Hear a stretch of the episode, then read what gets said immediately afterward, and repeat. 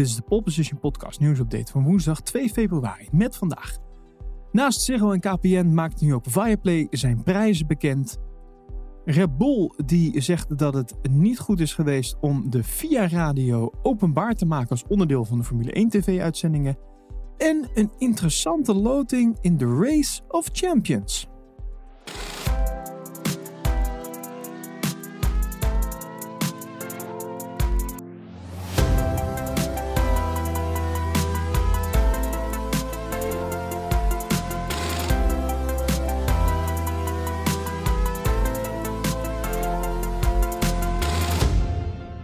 Viaplay die heeft de prijzen bekendgemaakt voor het uh, eerste jaar dat uh, de streamingdienst in Nederland uh, te gebruiken is. Vanaf 1 maart is Viaplay te bewonderen in Nederland en gaat het onder andere Formule 1, Formule 2 en Formule 3 uitzenden. En daarnaast zullen ze ook een aantal voetbalcompetities en ook films en series uitzenden. Ja, en wil je dat nou dus kijken bij Viaplay, dan kan het op een aantal manieren. Onder andere bij hunzelf dus, of via Ziggo en KPN. Nou, Ziggo en KPN die hadden die prijzen al eerder bekendgemaakt. Uh, dat hoorde je in de vorige nieuwsupdate. Maar nu heeft Viaplay zelf ook zijn prijs bekendgemaakt. En uh, de Scandinavische streamdienst die heeft uh, uitgepakt met een uh, bijzondere prijs voor, de, voor het eerste jaar. Daarin betaal je namelijk 99 euro en dat is 8,25 euro per maand. En na dit eerste jaar is er de optie om het abonnement stop te zetten of door te laten lopen voor 13,99 euro per maand. En ja, naast KPN en Ziggo en dus Fireplay zelf is natuurlijk ook nog een andere optie om Formule 1 te kijken. En dat is natuurlijk gewoon via F1 TV. En dat kan uh, voor 64,99 per jaar. Wat neerkomt op zo'n 5,42 euro per maand. Eigenlijk de goedkoopste variant. Tenzij je bijvoorbeeld dus een nieuwe klant bij KPN bent, dan krijg je het weer het eerste jaar gratis. Kortom, wie Formule 1 wil kijken komend seizoen, die zal even moeten gaan kijken wat voor hem het voordeligste is. Overstappen of misschien F1 TV kopen. Uh, kijk vooral even goed naar alle prijzen en maak je beslissing, want uh, ja, het seizoen dat komt eraan.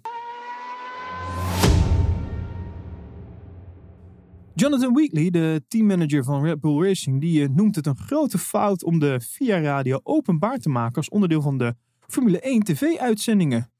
Volgens hem heeft deze stap de taken van Michael Masi zeer bemoeilijkt en ja, het heeft wel onnodige controverse opgeleverd volgens hem. Vooral doordat teambazen het kanaal gaandeweg gewoon overnamen. En Jonathan Wheatley die kan je kennen als, uh, als nou, stem die vaak te horen was op die boordradio. Want hij doet namens Red Bull voerde hij nou, normaal gesproken toch wel het woord. En al blijkt hij dus zelf helemaal geen fan te zijn van die, van die open radio. Hij zegt erover, het is aan de kijk om te beoordelen of het überhaupt iets heeft toegevoegd of niet. Maar in mijn optiek was het fout om al die dingen uit te zenden. We hebben het met Michael Masi uh, hebben een talent dat uh, te snel voor de leeuw is gegooid. En waarvan we hopen dat hij ooit de schoenen van Charlie Whiting kan vullen. Dus ja, ik vind het wel een interessante discussie. Wat vinden jullie? Ik ben wel heel benieuwd. Ik denk zelf dat het heel interessant is en leuk is om die boordradio te horen. Dat het goed is.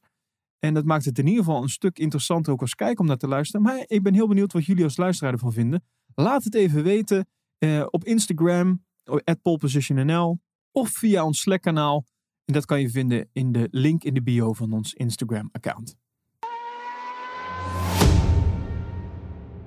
De Race of Champions, ook al bekend als het ROC, is het uh, internationaal motorsport-event dat aan het einde uh, slash begin van elk jaar wordt gehouden. Met enkel van uh, werelds beste race- en rallyrijders. Het is de enige wedstrijd ter wereld waar de sterren uit de Formule 1, het World Rally Championship, IndyCar, NASCAR, sportwagens en toerwagens het tegen elkaar opnemen in identieke wagens. Dat is natuurlijk wel interessant. En in die Race of Champions is er een hele leuke loting geweest. Eh. De loting van die eh, beroemde race eh, die heeft voor een sensationele achtste finale gezorgd. Want Sebastian Vettel die gaat het opnemen tegen Valtteri Bottas. Voor Sebastian Vettel is het al de tiende keer dat hij meedoet aan dit event. En uh, de viervoudig wereldkampioen is uh, ook tijdens die, Race of the Champions zeer succesvol geweest. Met een, nou ja, hij heeft toch wel een mooie streak daar neergezet van zes overwinningen tussen 2007 en 2012. Samen met Michael Schumacher. Ja, tijdens de jubileumeditie van dit jaar wordt er dus flink uitgepakt door de organisatie. De race die zal gereden worden op een speciale sneeuwbaan. En ja, en dat is natuurlijk voor Valtteri Bottas heel interessant, aangezien hij natuurlijk uit Finland komt. En dat zal dus voor het nodige spektakel zorgen, want zeker dus nu in die achtste finale Valtteri Bottas en Sebastian Vettel tegen elkaar zijn gelood om te racen. Kortom, hou dat zeker in de gaten. En voor wie wil weten wanneer je dat kan zien en waar, de Race of Champions wordt op 5 en 6 februari gereden. En de Race of Champions is te bekijken via Ziggo. En tot zover de nieuwsupdate van vandaag. Wil je meer uh, nieuws en feitjes lezen? Ga dan naar ons Instagram-account, dus ApplePositionNL. En vind je deze podcast nou leuk en wil je ons een financieel steuntje in de rug geven? Ga dan naar petje.af slash pole position.